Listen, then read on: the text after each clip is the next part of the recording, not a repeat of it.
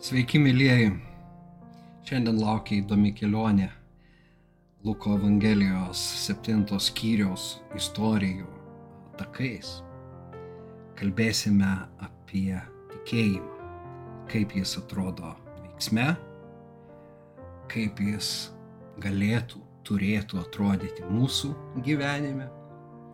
Na, išskirsime esminius tikėjimo aspektus tiesiog žiūrėdami į Evangelijos herojų elgesį. Prenumeruokite, prašau, šį kanalą.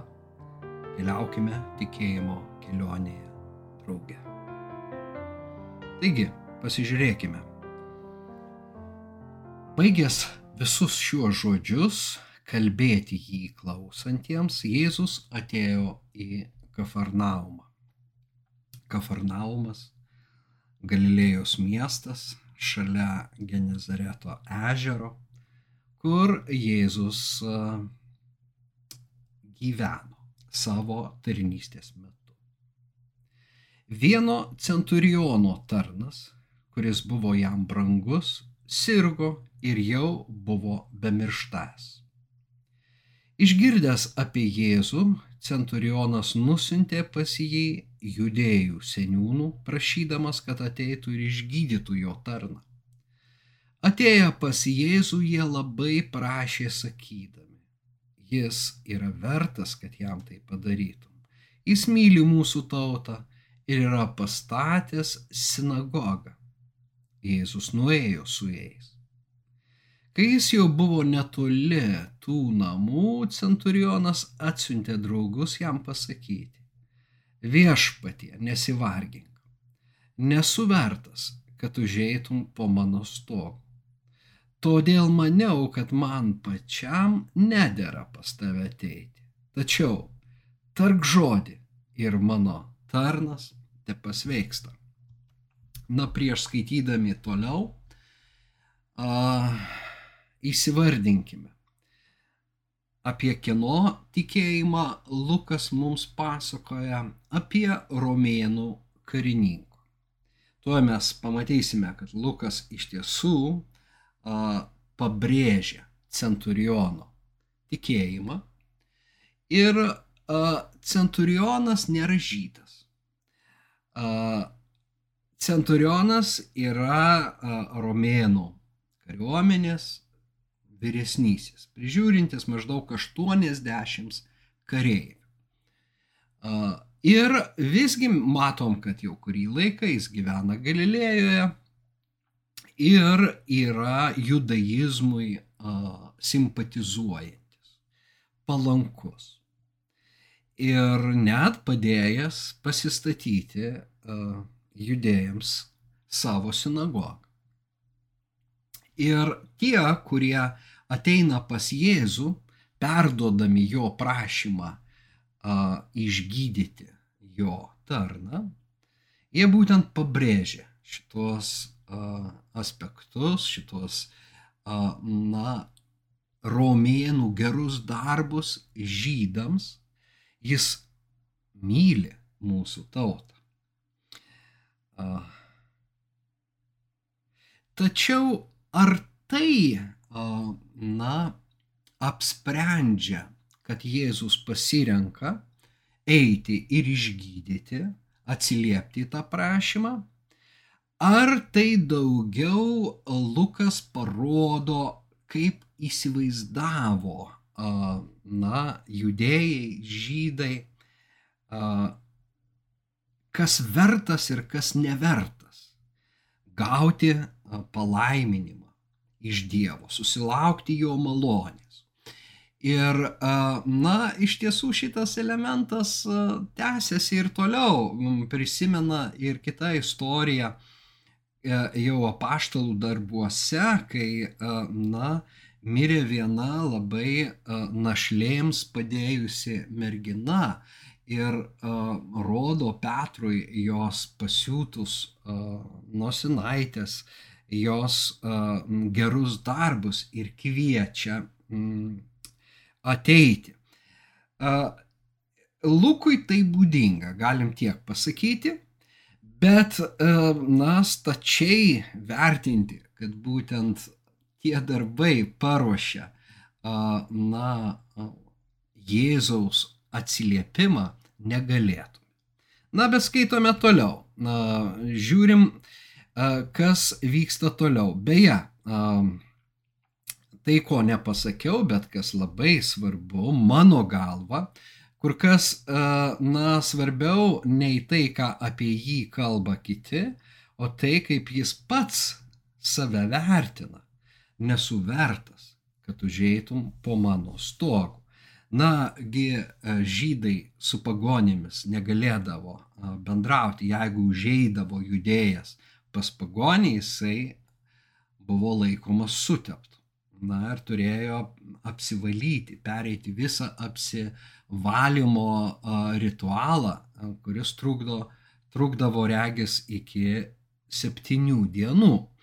Bet čia mes matome valdingą iš tiesų valdžią turintį žmogų, kuris save vertina labai kritiškai, pasakytume, labai santūriai. Jis yra santūrus. Nesu vertas, kad užeitum po mano stovą. Mm, ir ta pusė labai svarbi, na, nagrinėjant, kaipgi atrodo tikėjimas veiksme. Skaitykime toliau. Baigėsi šita vieta, tačiau tark žodį ir mano tarnas te pasveiksta. Na, aš esu žmogus, privalas paklūsti vyresnybei, turiu savo pavaldžių kareivių. Sakau šitam eik ir jis eina, sakau kitam ateik ir tas ateina. Sakau savo vergui, daryk tai ir šis daro. Tai išgirdęs Jėzus juo stebėjosi ir atsigręžęs į jį sekusią minetarę. Sakau jums, net Izraelija neradau tokio tikėjimo. Grįžę į namus, pasiustieji rado vergą pasveikus. Jūs matot, a, tas tikėjimas atrodo būtent taip, kaip o jis regimas, girdimas centuriono žodžiuose. Ir jis, na, nustebina Jėzų, pribloškia, galėtume net sakyti, net Izraelį. Būtent va čia vat parodoma, kad kitatautis turi tikėjimą, kokio Jėzus, Dievo sūnus, tikisi iš Dievo tautos Izraelio, bet neranda šito tikėjimo. Paulius viename laiške a, sako, ar čia Paulius, gal ne, viena, a, reiškia iš tiesų sinoptinėse evangelijose, kai ar atėjęs, taip, tai jau tuose, tuose eschatologiniuose pamokymuose Jėzus sako, ar atėjęs žmogaus sūnus suras tikėjimą. Tai va čia mes matom, kad Izraelija jis to tikėjimo neranda ir Lukas tai pasakoja, pabrėždamas būtent, kad tikėjimas gali būti gyvas už Dievo tautos ribų ir centurionas yra įrodymas. Jo, reiškia, santykis į Jėzų, kaip į galę ir valdžią turinti dvasinį mokytoją, kuri, kuriam paliepus įvyks tai, ką jis liepia. Štai šitas santykis centre yra Jėzus ir centuriono pasitikėjimas a, jo gale ne savim. Visiškai priešingai negu kai kurie tikėjimo mokytojai moko, kad, na, turėk tikėjimą savo tikėjimą. Arba kad kalbėk, koks aš esu stiprus, na, kad ir Dieve, koks aš esu gražus kaip Dievo kūrinys. Tai iš tiesų yra pagoniškas mokymas, nieko bendro su krikščionių tikėjimu neturinti. Štai kaip atrodo tikėjimas, žmogus visai nesijaučia vertas, bet jis pasitikė tuo kitu.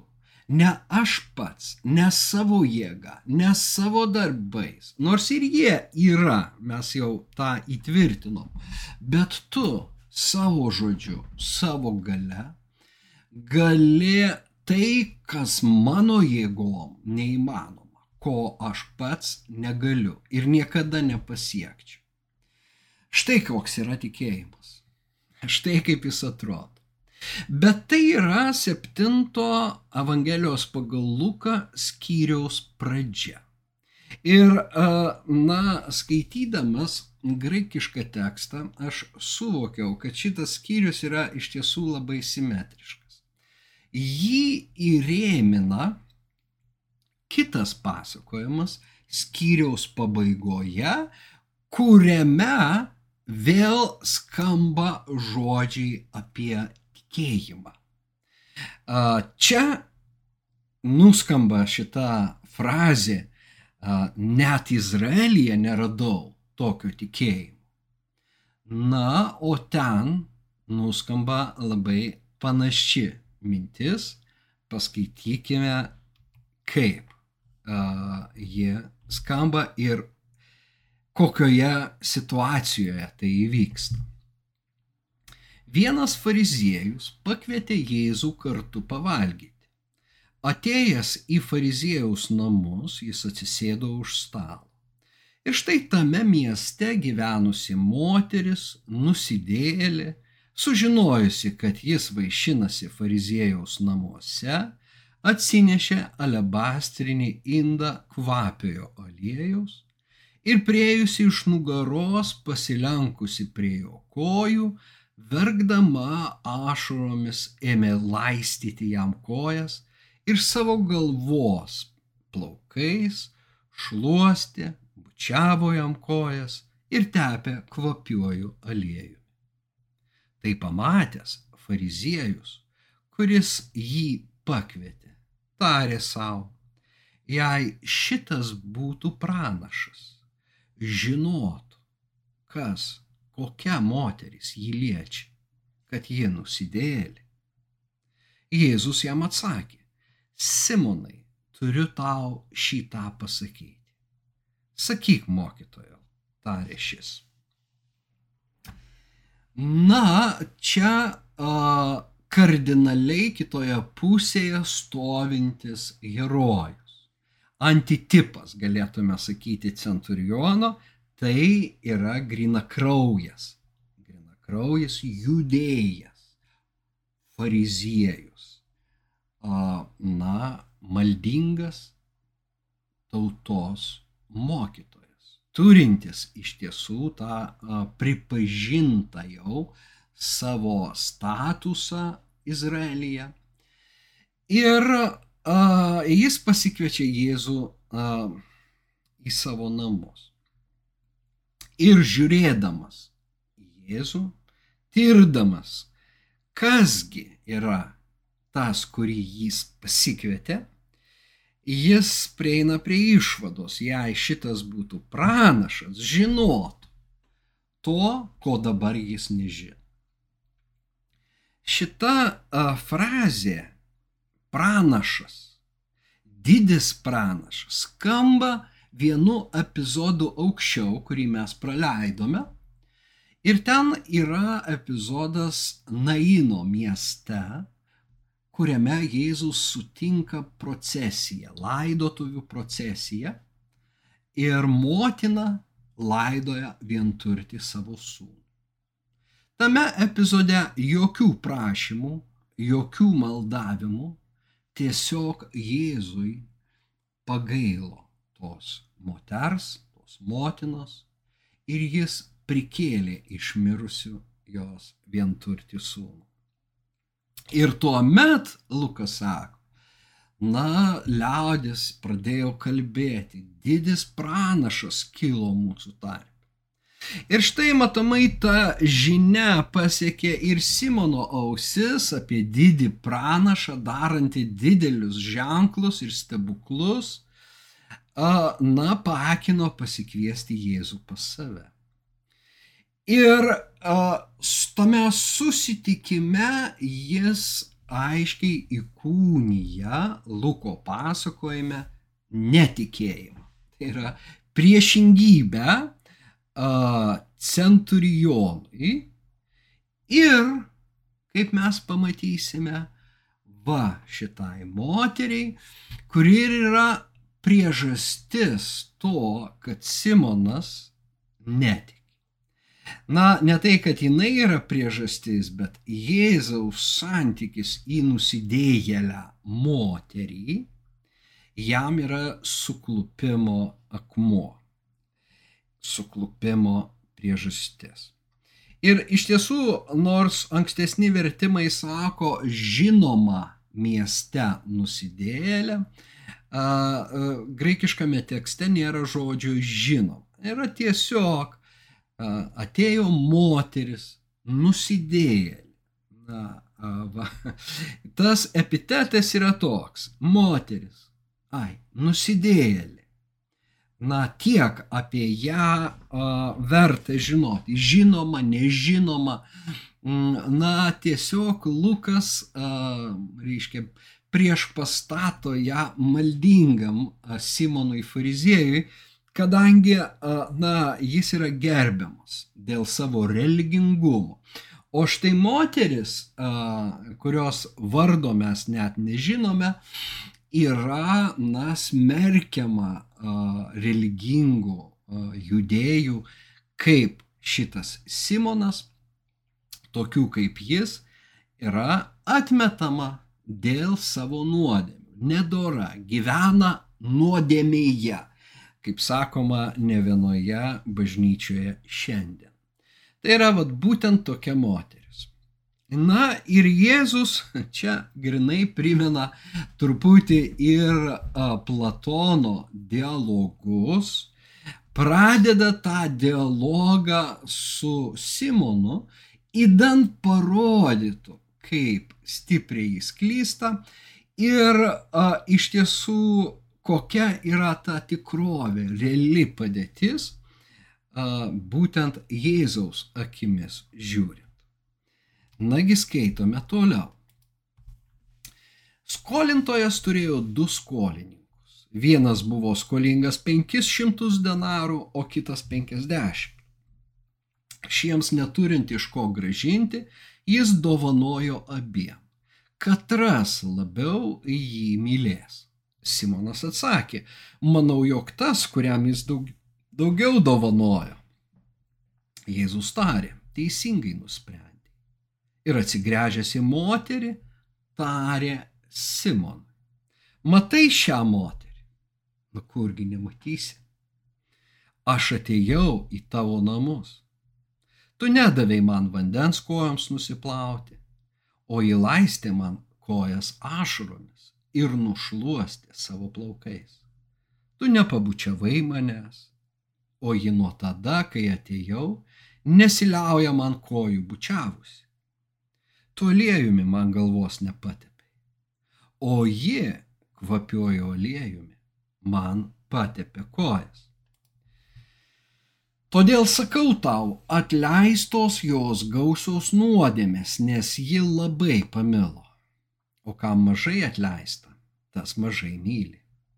Tuomet jai tari, tavo nuodėmės atleistos. Sėdintieji kartu prie stalo ėmė savo kalbėti, kasgi jis toks, kad ir nuodėmės atleidžia. O jis tarė moteriai, tavo tikėjimas išgelbėjo tave eik ramybėje. Na va ir atėjome iki tikėjimo. Ir čia mes jau matome tikėjimą, kurį savo santykių į Jėzų išreiškia nusidėlė moteris. Jėzus patikina ir Lukas mums papasakoja neatsitiktinai šituos du epizodus, vienas na, pradeda skyrių, kitas užbaigia. Aišku, kai Lukas rašė skyriaus nebuvo. to septintos skyriaus eilučių taip pat, bet jie yra štai tame, na, sakykime, minties skirsnyje. Ir, na, kai jau skyriuje, tai tikrai tarsi įrėmina tą skyrių. Tai va, ir čia vėl paradoksas. Ten romėnas, nejudėjas, ne, reiškia, na, Dievo tautos vaikas. O čia Dievo tautos mm, duktė, tačiau gyvenanti ne pagal Mozės įstatymą, nusižengianti torai ir laikoma atskirtyje dėl savo nuodėmingumo.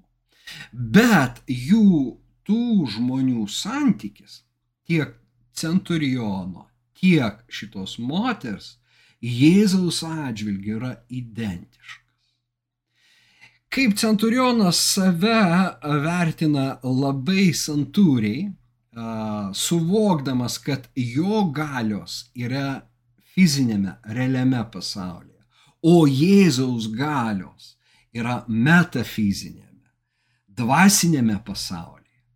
Ir, na, todėl Jėzus yra, na, pranašesnis ne tik tai ta prasme, kad jis gali pagydyti sergantį jo vergą, bet Jėzus, na, yra apskritai pranašesnis už jį patį. Tuo dvėjoti jisai, na, ne tai, kad negali, tuo jis nedvėjoja, nesu vertas užeiti kad užeitum po mano stogu. O štai moteris savo veiksmais išsako praktiškai taip pat, nesu verta čia būti. Galiu tau tik tai kojas nuplauti. O kojas nuplaudavo vergai. Tai buvo vergo na, darbas, priedermė. Ir iš tiesų, kai Jėzus sako Simonui, tu ir man uh, galvos nepatepiai, tu manęs nepabučiavai, tai būtų tokio svetingo šeimininko santykis į Jėzų. Čia problema tame, kad nors Simonas pasikvietė Jėzų, jo santykis yra šaltas. O šaltas jis yra todėl, kad jis galvojasi esas geresnis už Jėzų, pranašesnis. Ir taip žmonės kalba, kad jis pranašas, bet jeigu jis būtų pranašas, jis neleistų šitai moteriai savęs sutepti savo prisilietimais, taigi jis nemato jos prigimties, jis nežino jos gyvenimo būdo, koks jis pranašas. Aš žinau, Taip galvoja Simonas. Taigi tas jo a, iš tiesų svetingumo stoka, tas santykis į Jėzų dar iki šitos situacijos, kai ateina moteris, yra šaltas, yra tokio, na, savim pasitikinčio, mm, iš vidaus religingo veikėjo santykis. A, bet kaip matome, tai neveikia arba tai veikia priešingai. Simonui iš Jėzaus gauti labai kažką sunku, na ir pats tas Jėzaus palyginimas yra be galo išraiškingas apie du na, žmonės, skolingus, ne, savo skolintojai, tik tai vienas 500 denarų, kitas 50 denaras vienos dienos užmokestis.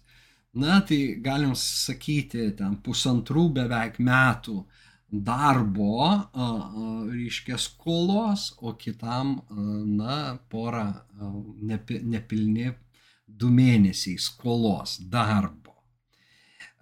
Bet esmė, kad dovanojama tai abiem. Tai va čia be abejo yra tas na, Dievo išteisinimo momentas. Kad Dievo akise a, žmonės yra nuodėmingi. Vienas mažiau, kitas daugiau, bet skirtumo iš tiesų nėra. visi nusidėję ir stokoja Dievo šlovės, o išteisinami dovanai dėl Jėzaus atpirkimo. Todėl, kai skola dovanojama, na, jinai tiesiog dovanojama, kiek tu bebuvai skolingas. Tik tai problema ta, Jėzus sako, kad tas, kam mažai dovanojo, nu, didelis šie dalykas. Nu, buvau šiek tiek skolingas, nu, man, man atleido tą skolą, nu, viskas tvarkoja.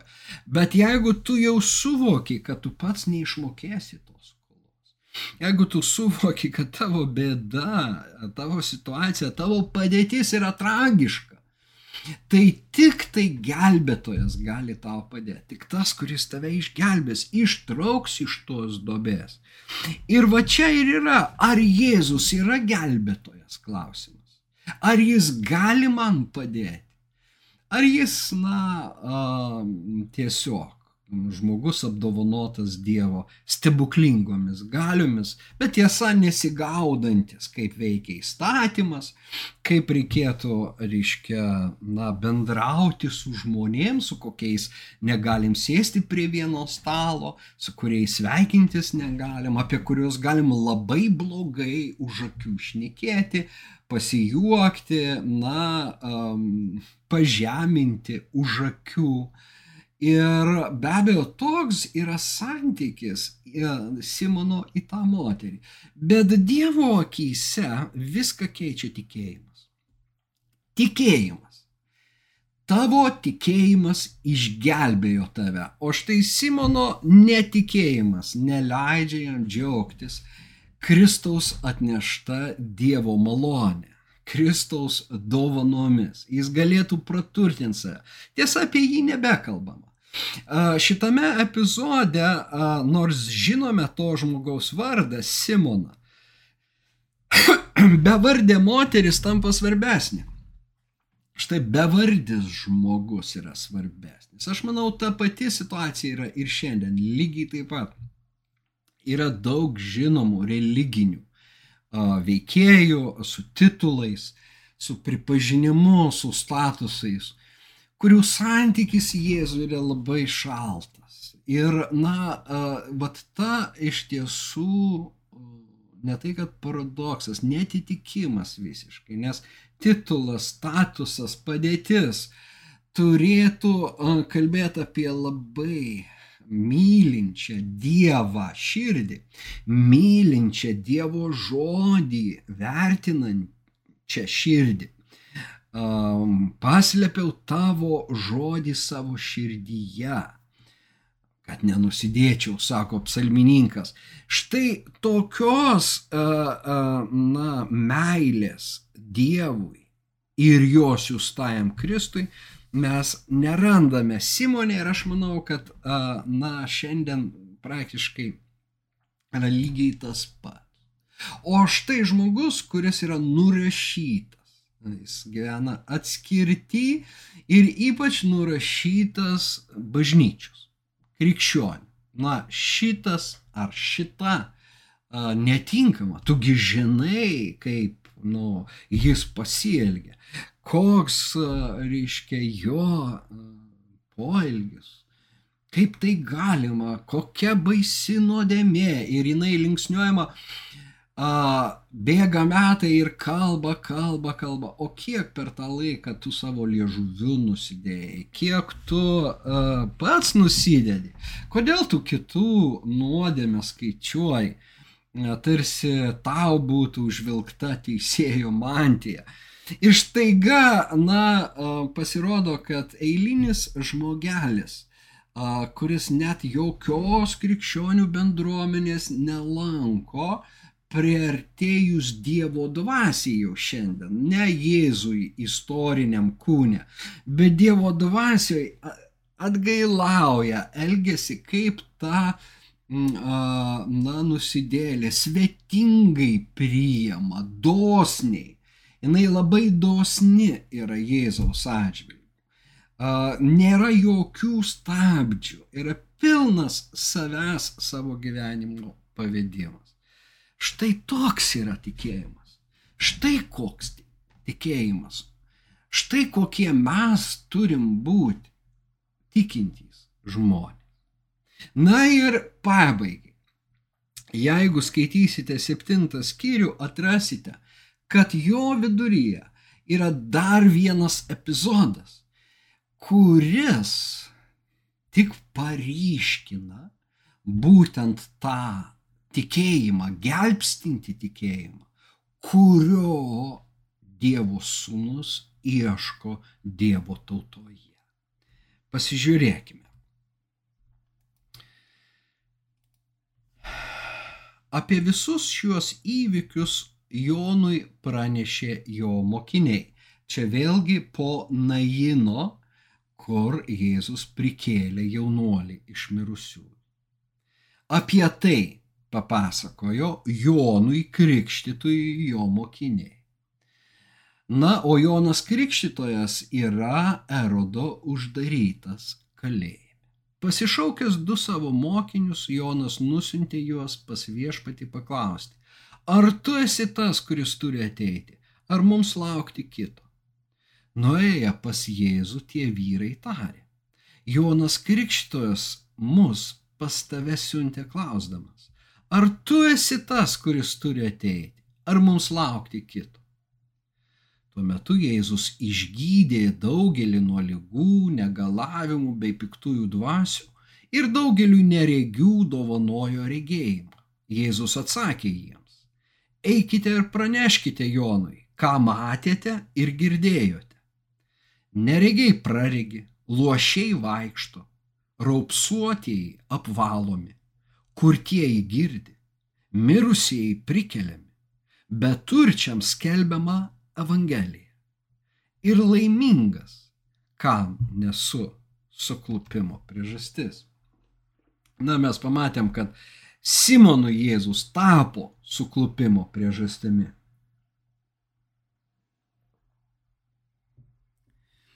Tačiau laimingas, kam jis netampa suklupimo priežastimi. Štai Jonas Krikštytojas arti to. Jono sviravimas tikrai stebina ir jis aprašytas ne tik Luko, bet ir kitų sinoptikų. Jonas juk išgirdo Dievo žodį, pasigirdo viešpatė žodis Jonui dikumoje ir jis ėjo skelbdamas irgi nuodėmio atleidimą krikštydamas ir ruoždamas kelią didesniam už save - mesijui. Ir kai žmonių lūkesčiai buvo jau tiek išaugę, Jonas atvirai jiems sakė, aš nesu tas, kurio laukiate, kurio mes visi laukiame, aš nevertas atrišti jam sandalų dirželio, vėlgi, aš nevertas. Taigi Jonas pradeda savo tarnystę tikėjime. Tikėdamas, jis pilnas tikėjimo, kurį atneša Dievo žodis, į kurį jis atsiliepia, kuriam paklūsta, kuriuo veikia. Iš tiesų. Bet štai, esant jam kalėjime, apninka dviejonė. Ir čia galimi skirtingi paaiškinimai ir jūs tikriausiai esate girdėję, nes yra ir populiarūs, populiarių pamokslininkų šios vietos aiškinimai, kurie iš tiesų yra labai mažai tikėtini. Bet, atsiprašau,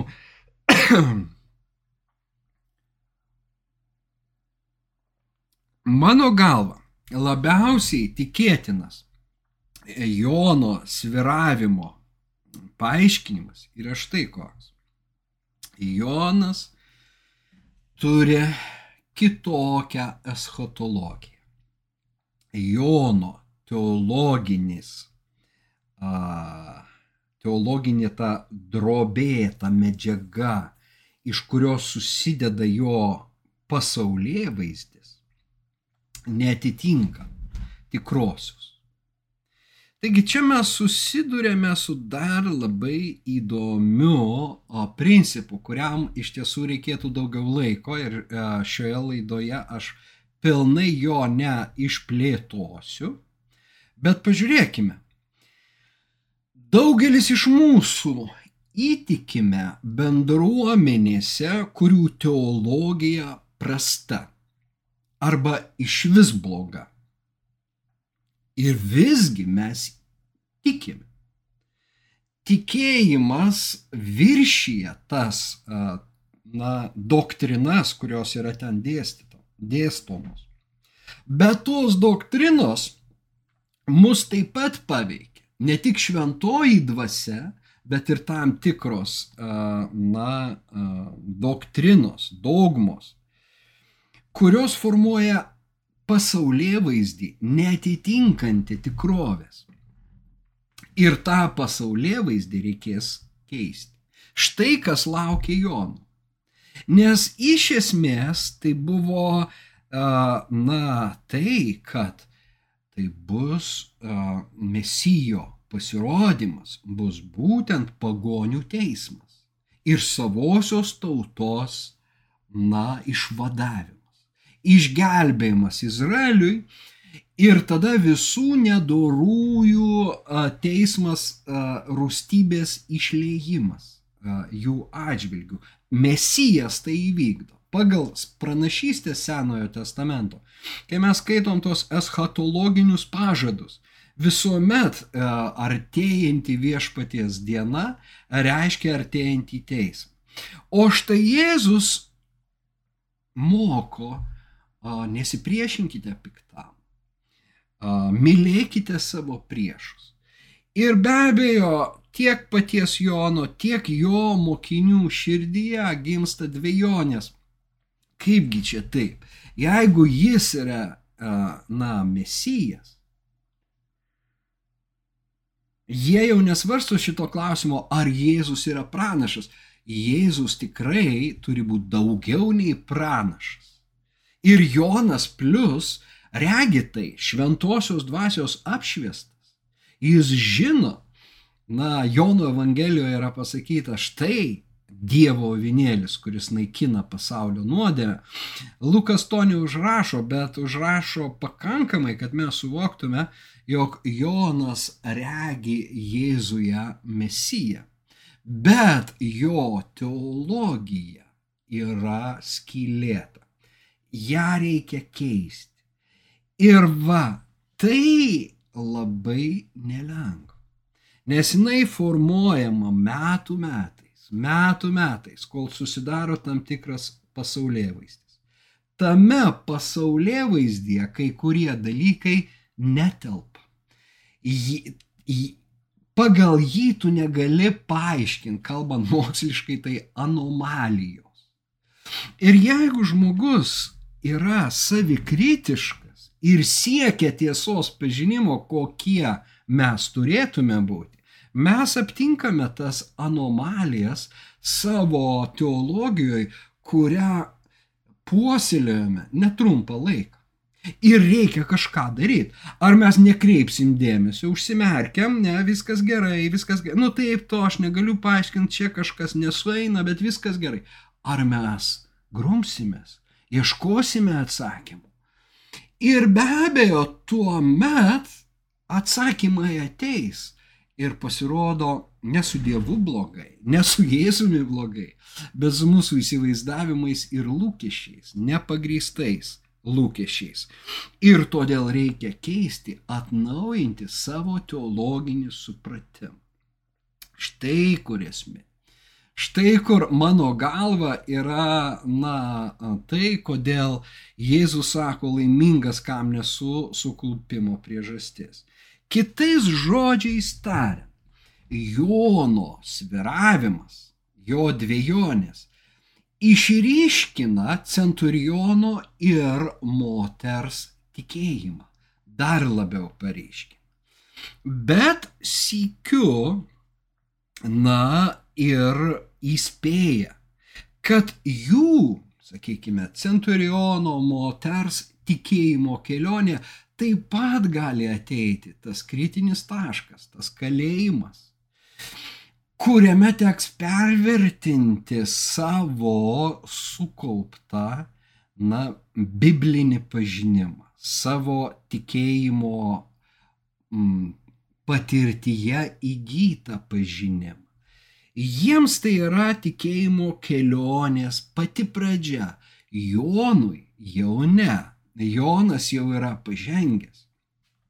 Ir tai sikiu ir mums labai aiškus, na, įspėjimas ir patikinimas, kad tikėjimas yra išmėginamas, kad mūsų tikėjimas bus išbandytas ir kad mus gali apnikti dviejonės. Dviejonės nėra blogas dalykas, jeigu mes esame sąžiningi mąstytojai ir savikritiški savo tikėjimo atžvilgių. Tuomet tai mums tik padės praplėsti tikėjimo pasaulyje vaizdį. Ir tada Jonui reikėjo suprasti, kad teismas atidedamas ir atidedamas labai ilgam, kad dabar yra ta geroji naujiena, beturčiams skelbiama, ligoniai gauna dovanai išgydymus, išgelbėjimas atėjo, reikia jį priimti. Pamirškime rūstybę, džiaukimės Dievo dovanom. Ir va šito niekaip jie negalėjo e, savyje sutalpinti, todėl ir tas klausimas, ar tu tas, kuris turi ateiti, ar mums laukti kito, nes mesijas bus kitoks. Tu uh, netilpi į mūsų mesijinius lūkesčius, tu neatsakai mūsų mesijinių lūkesčių, tu netoks tavyje mes neatrandame to švento pykčio, kuris e, yra skirtas nedorėliams. Ir netgi va, šita Simono namuose situacija, kai, kai na, pasmerkimo kardo tikriausiai a, verta moteris, na, jeigu kalbėt apie Dievo rūstybę jau šioje žemėje, a, e, na, tau, tave liečia ir tu jai nesakai, neskaitai moralų, ne, o tiesiog, na, apsimeti nieko nematas, kaip taip galima. Va, štai visa tai kažkiek ir pas Joną su jo mokiniais.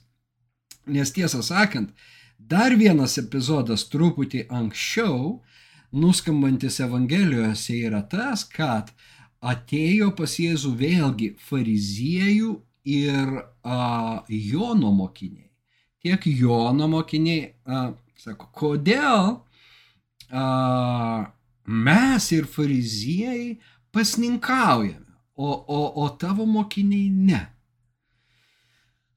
Kur tas maldingumas, kur tas pasninkas, kodėl dabar tu o, esi kitoks ir tavo mokiniai kitokie ir į blogą pusę kitokie. Jie prastesni, apie kokią mes etiką šnekam. Jeigu visi gyvens taip, kasgi bus? Ir į ką Jėzus atsako, kad uh, negali pabroliai liūdėti ir pasninkauti, kol su jais jaunikis. Ateis dienos tada, kai jaunikis bus atimtas nuo jų pasninkaus jie. Bet dabar ne tas laikas, ne tas metas. Reikia džiaugtis Evangeliją, priimti Dievo malonę ir Dievo malonės dovanas.